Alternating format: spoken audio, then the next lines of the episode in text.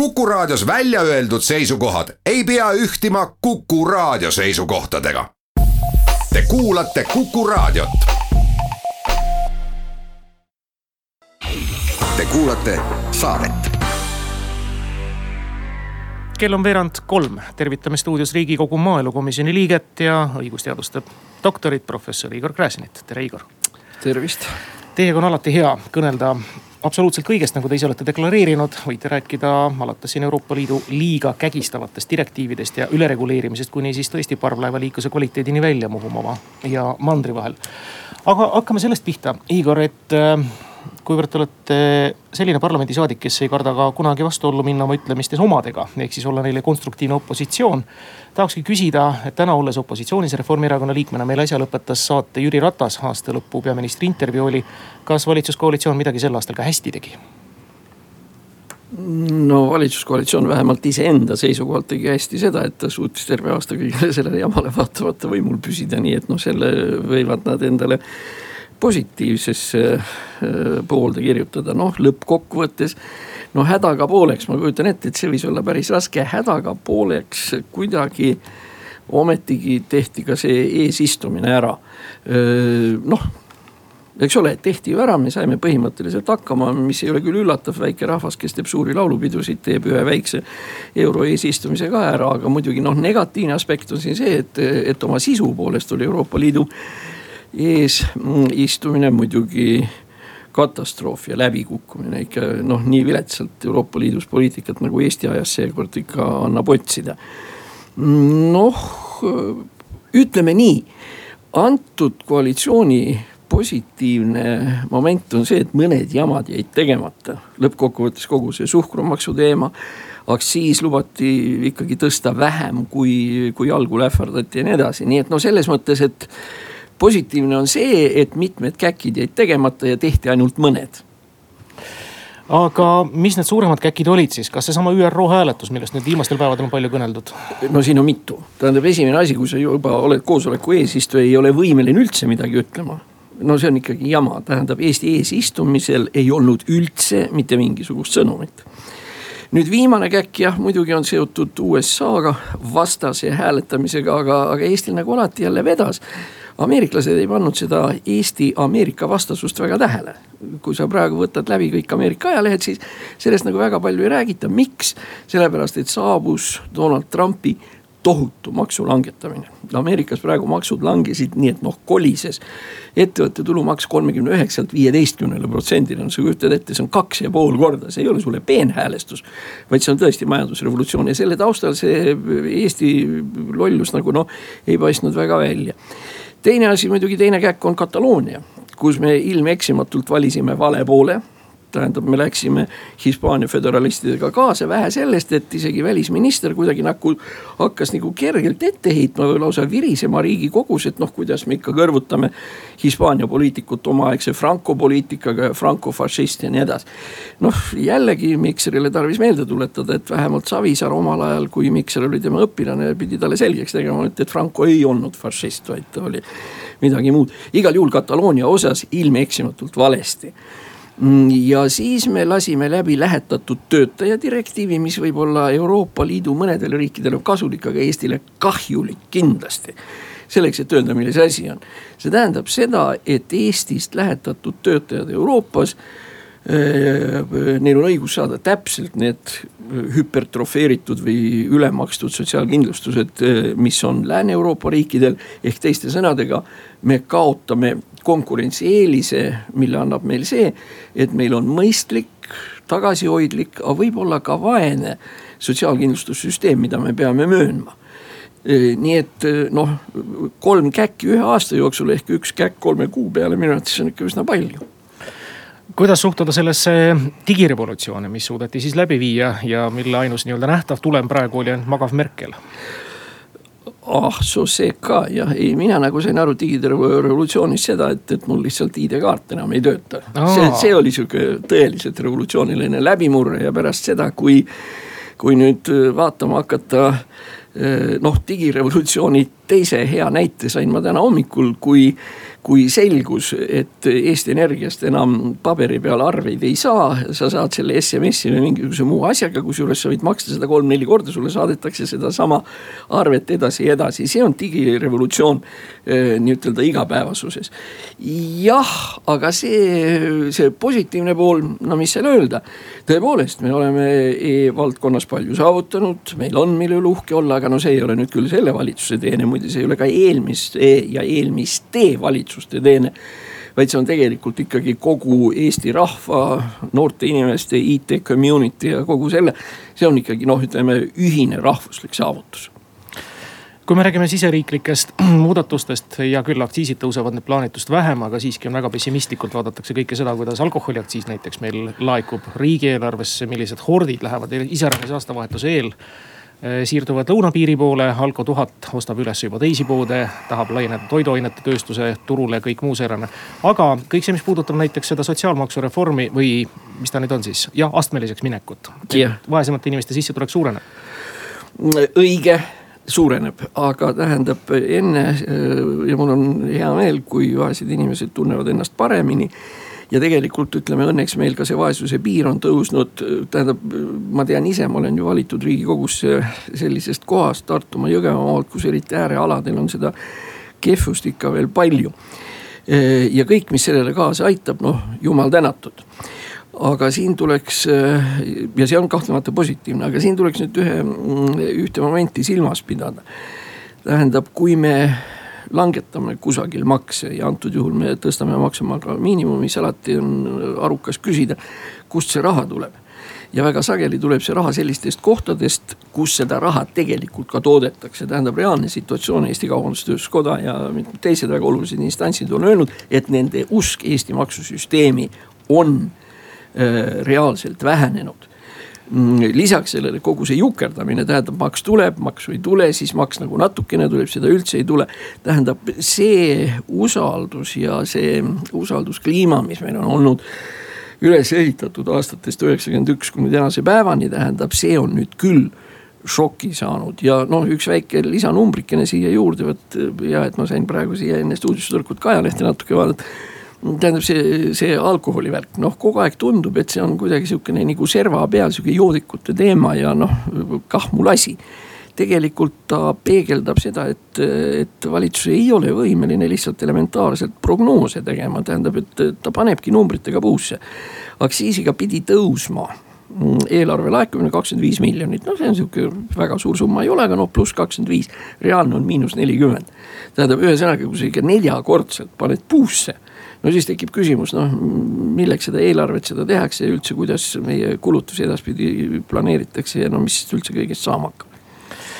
Igor, paar päeva tagasi ilmus Arenguseire Keskuse tellimusel kogumik Pikksilm. võttis kokku siis tuleviku arenguid maailmas ja analüüsis, mis need Eesti jaoks tähendavad. palju oli juttu sellest, kui palju need tehnoloogia, tehnoloogilised platvormid, intellektuaalne, tehisintellekt on eest ära läinud, võib-olla siis meie seadusloomes, ega seadusloome üldse järgi jõuab. kuis tundub tänase jagamismajanduse ajastul kas meie seadused äh, jõuavad sellele piisavalt järele, kas meie seadusandjad peavad ennast piisavalt äh, palju harima sel teemal, et äh, aru saada üldse, mille kohta nad seadusi teevad? muide, see asi ei olegi nii keeruline, tähendab tegelikult see IT areng on, on üks maailma kõige lihtsamaid asju, tähendab, kui sa ise teda endale keerukaks ja selleks, et aru saada, mis IT maailmas sünnib, ei pea üldse olema IT-spetsialist, ma väga vabandan. tähendab, mina kui tarbija, minu jaoks ei ole vaja teada, mis seal auto kapoti all müriseb, ma tean, et ma pean istuma rooli ja sõitma. see on see minu teadmise tase. Ja IT-ga põhimõtteliselt on samasugune probleem või noh, samasugune situatsioon ja no ma toon kasvõi noh, mõned sellised näited.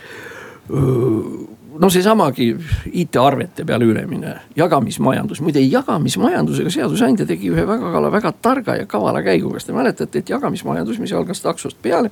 esimene probleem oli see, et kuidas nüüd reguleerida ära jagamismajanduses osalevad Taxify taksod ja nii edasi, kuidas nad ära reguleerida nii, nagu on reguleeritud päris taksod.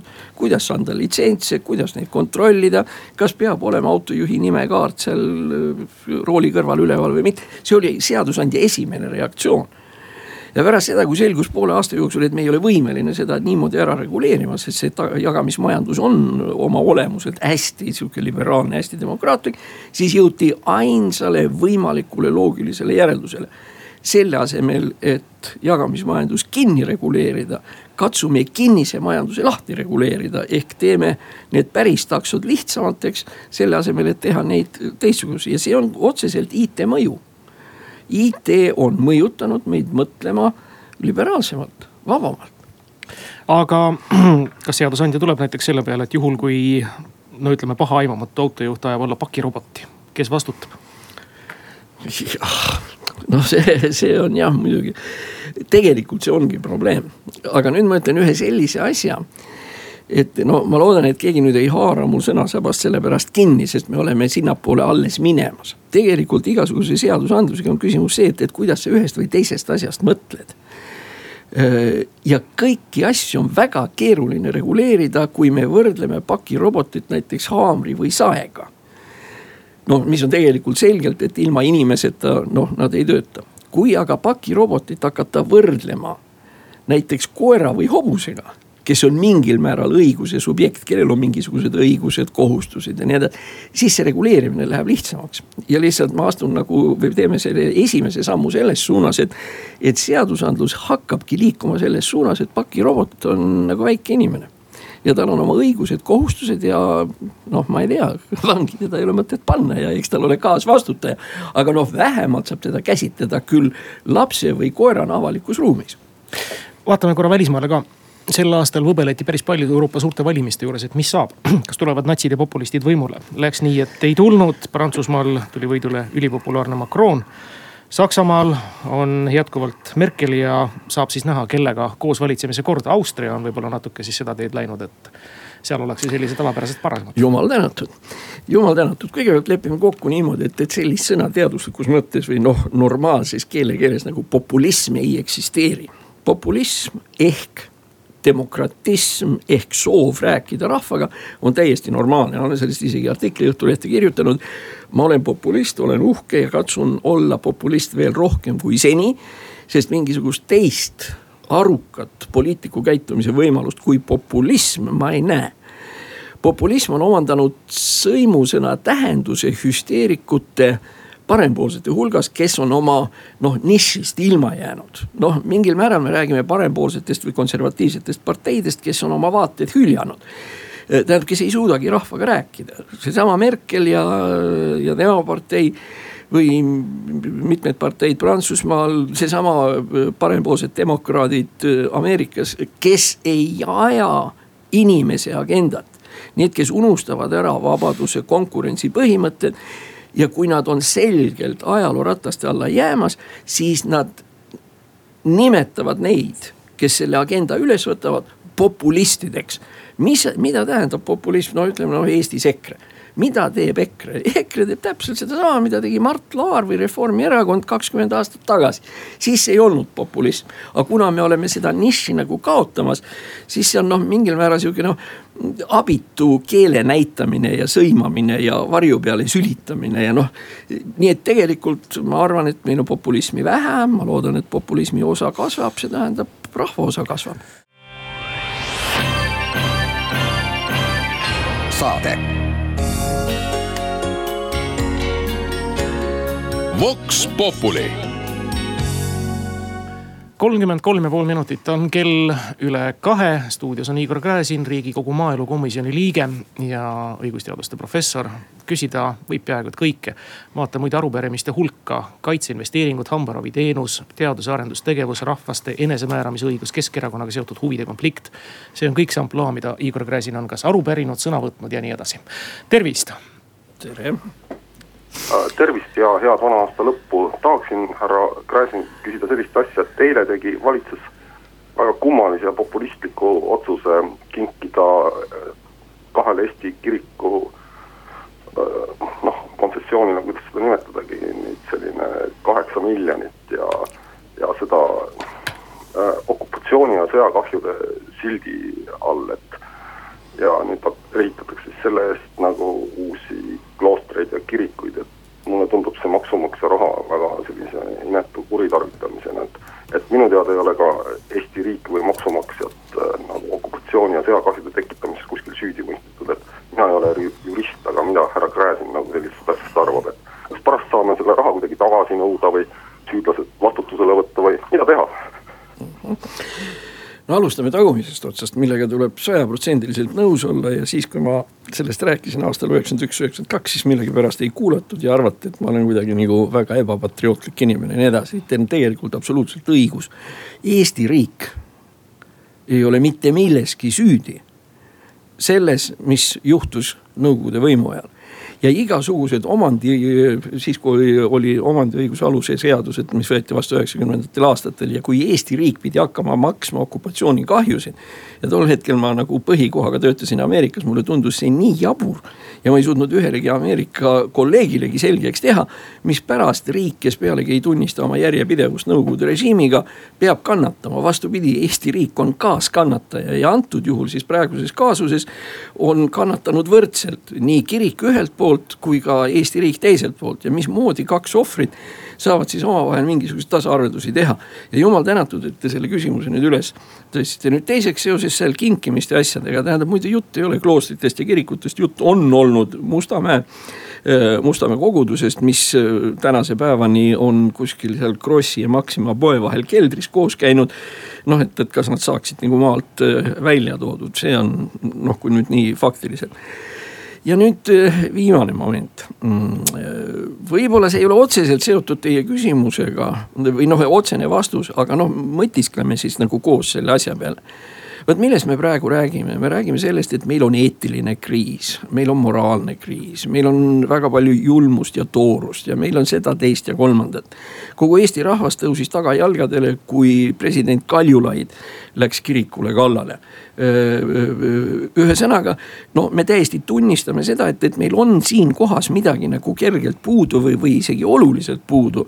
meie rahvusteaduses, mis on luterlik olnud ja teistsugust Eesti rahvusteadvust peale luterlikku tegelikult ju palju ei eksisteerigi ja nii edasi.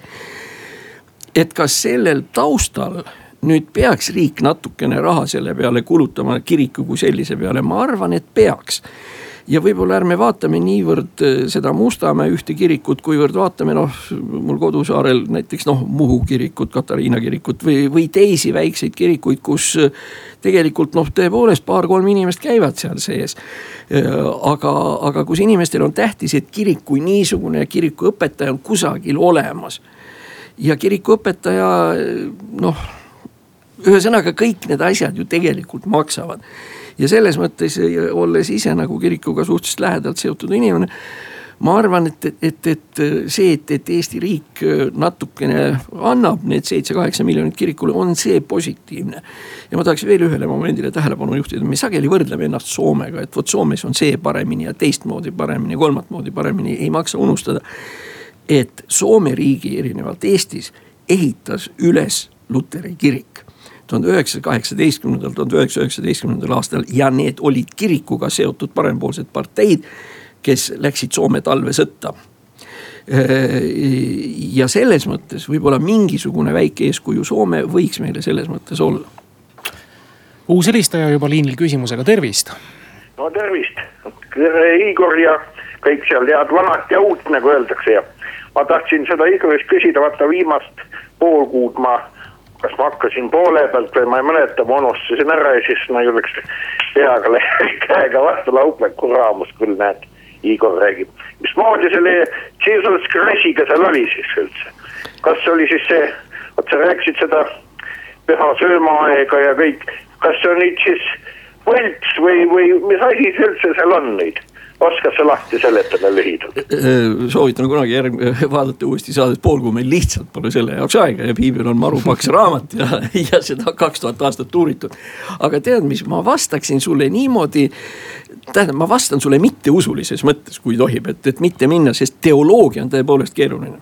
ajalooline fakt on järgmine, et vallasemal sündis laps ja vallas ema sai oma seaduslikule mehele selgeks teha, et, et see laps on pühast vaimust. no kujuta nüüd iseendale ette, kuidas selline jutt tänapäeva mehele mõjub, kui tema tüdruksõber ütleb, et ma sain pühast vaimust käima peale, eks ole.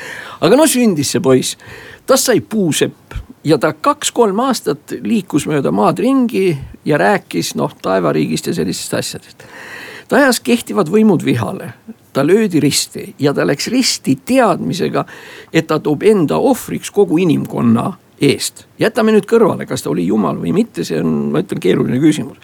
aga ütle palun, kas sind ja mind teeb see teadmine paremaks, kui me teame, et kusagil oli üks kehv noor mees, kes ei pidanud paljuks minna surma selle nimel, et ta uskus, et meil läheb paremaks. ja ainuüksi see teadmine noh, minu arvates teeb ta ajalooliselt väga oluliseks isikuks, isegi kui me teoloogia kõrvale jätame. uus helistaja, tervist. tere, härra Kuku, tere, härra Kuku, tere, härra Gräzin ja Kuku raadio ja vana aasta lõppu kõigepealt. kahju, et Jüri Ratas ära läks, kes enne teid esines Kuku raadios, et kui kuulata nagu tema juttu kes ülistab Euroopa eesistumist Eesti poolt, sellist nii head nagu ei olegi enne olnud, ühendab ka kogu Euroopat. kas ta on nagu süüdimatu utopist või teie, kes teete selle maa tasa ja põhjendate faktidega, olete parandamatu pessimist ma ei ole parandamatu pessimist, ma olen tähendab see, kelle kohta öeldakse tavaliselt euroskeptik või eurokriitilise äh, lähenemisega. probleem lihtsalt on selles, et äh, asi ei ole mitte Euroopa Liidus, eks eurooplased peavad koos elama ja kõik on tore. küsimus on lihtsalt selles, et me peame suhtuma kriitiliselt sellesse, milline Euroopa Liit täna on. ja mul on siiralt kahju et Eesti jättis kasutamata selle suurepärase võimaluse midagigi Euroopa Liidu heaks ära teha. aga noh Ratast ma vaatasin seda tema kirja, mis ta siin on oma kolleegidele kirjutanud ja noh, kõik on tore. ja lõppkokkuvõttes, eks Ratasel ühes punktis on õigus. Need inimesed, kes tehniliselt tegid eesistumise ära, olid tõesti tubli nii autojuhid kui ka sideohvitserid, kui ka kõik äh, Tallinna liikluse inimesed ja kõik. Me tegelikult tegime suure asja ilusti ära ja selles punktis ma olen Ratasega nõus. aga kus ma Ratasega nõus ei ole, on see, kui ta ütleb, et see oli poliitiline edulugu ja nii edasi. vaid see oli käest lastud võimalus pluss paar plärakat otsa. ja taaskord helistaja liinil, tervist. tere kui mõelda tänuga Soome ja Eesti iseseisvumine sada aastat aga ingerisoomlaste asuala sattus oktoobripöörde järel teise olukorda, kuid siiski tänu Tartu rahulepingule ja Eesti Vabariigi alluvusse Narva ja Lauga jõgede vahel väike ingerisoomlaste külade ala. kas Eestil ei oleks täna, sada aastat hiljem, ajalooline võimalus Tartu rahust lähtudes ja rahvusvahelisele õigusele tuginedes püüda säilitada see maa-ala ingerisoomlaste piirkonnaks, et see väikerahvas ei jääks ajaloos ilma maata rahvaks. kui rahvusvahelised suhted seda võimaldaksid, tuleks ehk esi, esimese sammuna korraldada sel teemal rahvusvaheline konverents konverentse võib ju korraldada ja tegelikult ma saan teist ka väga hästi aru ja teie viide Tartu rahule on selles mõttes igati kohane aga noh, kõigepealt kõige lihtsam oleks teile vastata niimoodi, taevane arm, kuidas me julgeme, kuidas me saame ingeri soomlastest rääkida, kui me ei julge rääkida isegi katalaanidest, taevas hoidku.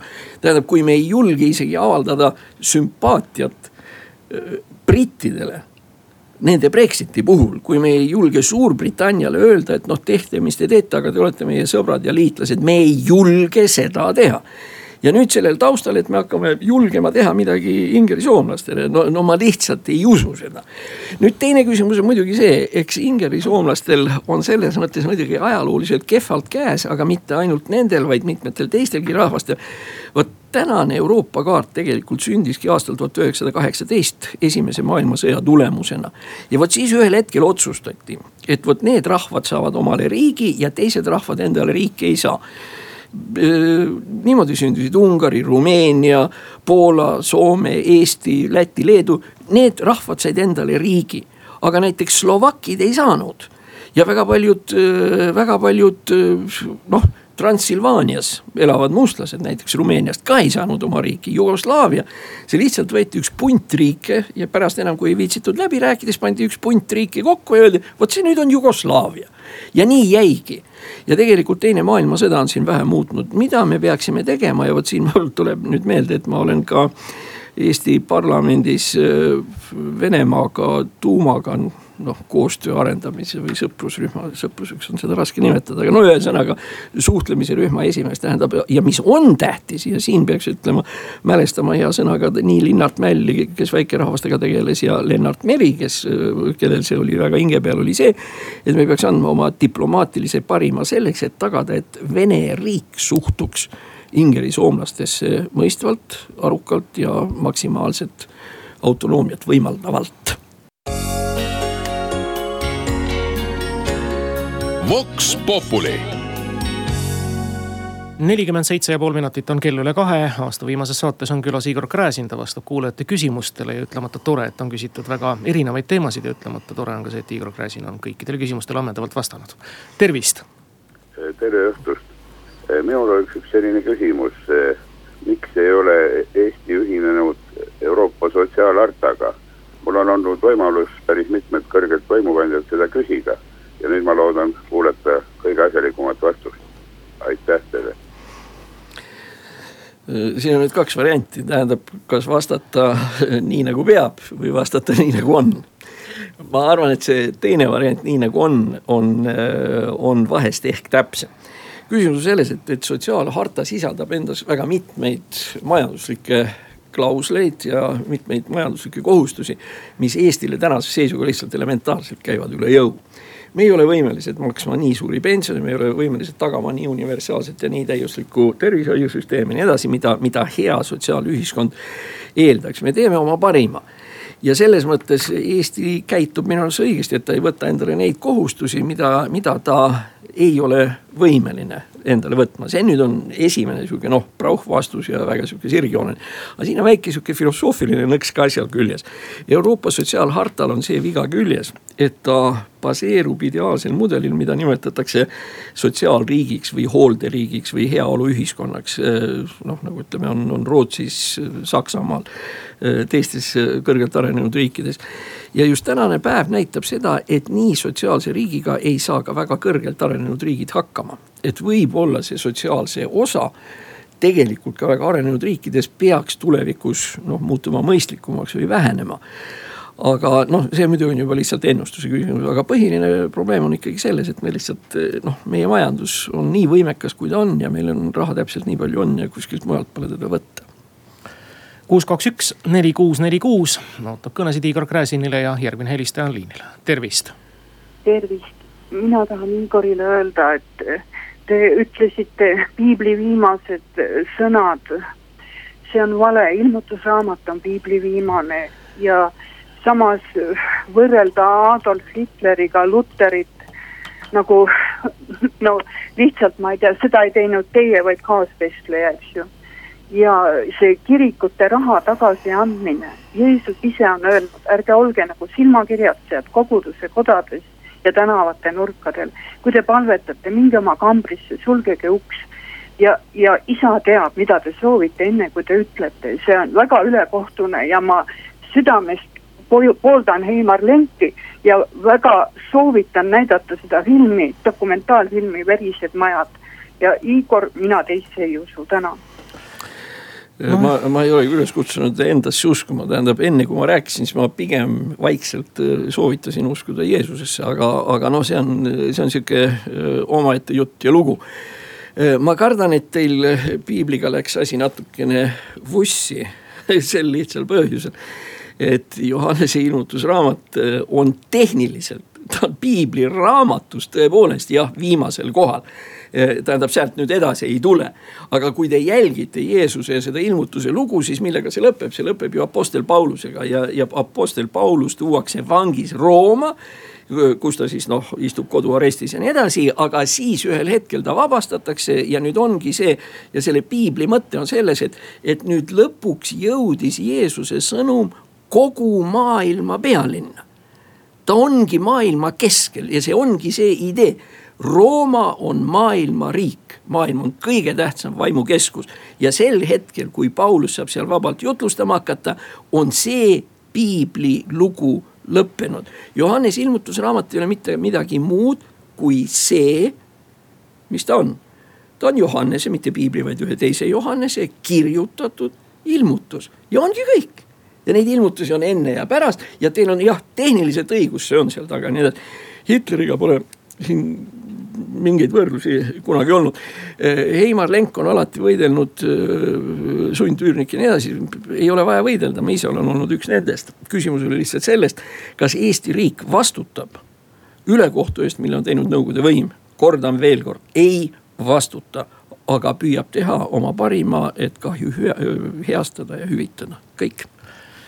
Ja uus helistaja, tervist Äh, tere Kuku raadio ja äh, tere härra Gräzin, siin keegi Robert Meriväljalt räägib.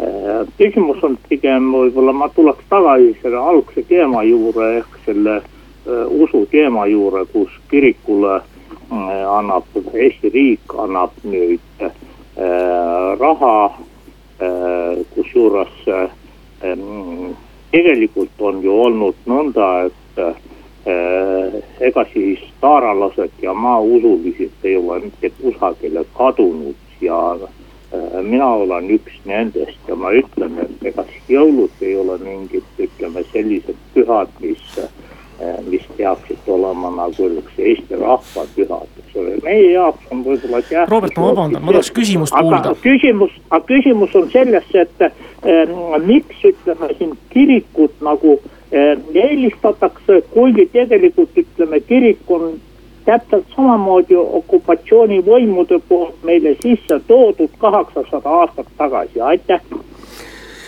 no ühesõnaga, ma kardan, et te olete ka natukene langenud mm, Karl Robert Jakobsoni ja Nõukogude ajaloo propaganda ohvriks. tähendab mingisugust sihukest vägivaldset kiriku sissetoomist Eestisse pole kunagi olnud. see nõndanimetatud ristirüütlite hord ja hordid ja nii edasi neid oli kakssada ristirüütlit tõepoolest, kes siin käisid, põhiliselt olid ikkagi kaupmehed ja kõige hullem lugu muide võib-olla noh, mis võib-olla maausulistele ei meeldi.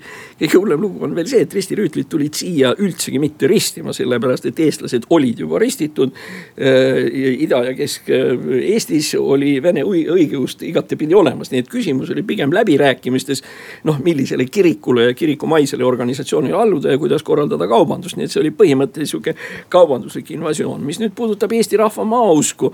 no ei tea tast suurt eriti midagi, tähendab, ma olen küll ühe tähtsama Eesti maausulise filmiga tuttav ja mulle ta meeldib, aga ma ei saa sellest usust aru, see, see film kannab nimetust Malev ja seal noh, kuidas nüüd ütelda, ütleme niimoodi, maausulised on kõik oma okupatsioonikahjud juba tagasi saanud. ühesõnaga, meil on riigimetsamajand on meil olemas, maad ja metsad on rahva käes olemas. erinevalt ristiusust maausulistel on kõik alles, neil on alles taevas, päike, pilved, nii nagu Arno ütles kodumaa ja kodu päikesepaiste teelele ja nii edasi, nii et seal ei ole midagi saada, põlde küntakse, metsad kasvavad, kõik korras. kuus, kaks, üks, neli, kuus, neli, kuus võtab vastu järjekordse kõne, tervist. tere päevast, üks,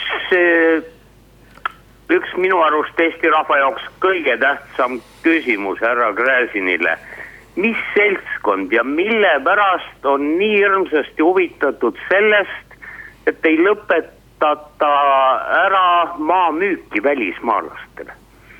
kogu lugu, head vana aasta lõppu äh, okei okay., äh, noh hakkame siis kõigepealt sellest peale, et viimati oli see küsimus kaks nädalat tagasi ja ta tuleb uuesti ringiga tagasi maaelukomisjonis mm, äh, riigikogus ja seoses sellega ma võin öelda niimoodi, et maa müük mitte välismaalastele, vaid kolmandate riikide kodanikele ongi reaalselt piiratud tähendab ja põhimõtteliselt praegu välismaalaste kuuluva maa osa on kusagil kahe-kolme protsendi kandis ja ta ei suurene.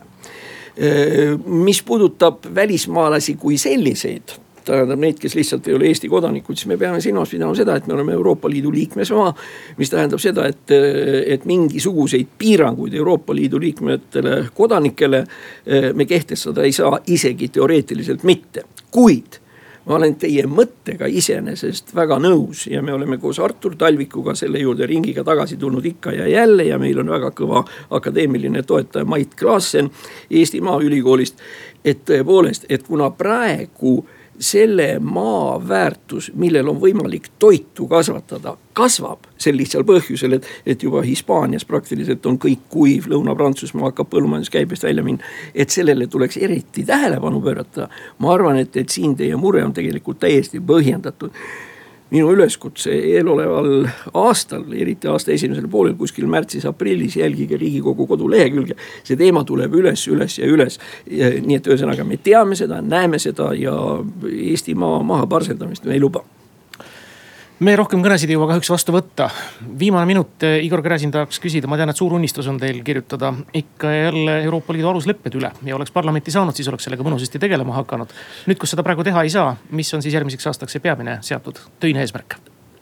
no ausalt öeldes mul on äärmiselt, äärmiselt praktiline eesmärk esiteks ma pean kuidagi oma erakonna maakonna korda saama pärast seda õnnetut haldusreformi, kui see asi läks ja noh, nüüd, kus enam ei provotseeri kedagi, ma võin öelda, et, et ma jätkan õpinguid Usuteaduse Instituudi teisel kursusel ja mul on vaja kolm eksamit veel ära teha see on hea lõpp meie tänasele teiega koos viibimisele, aitäh, Igor, ilusat vana aasta lõppu teile ja teie perele. aitäh. Vox Populi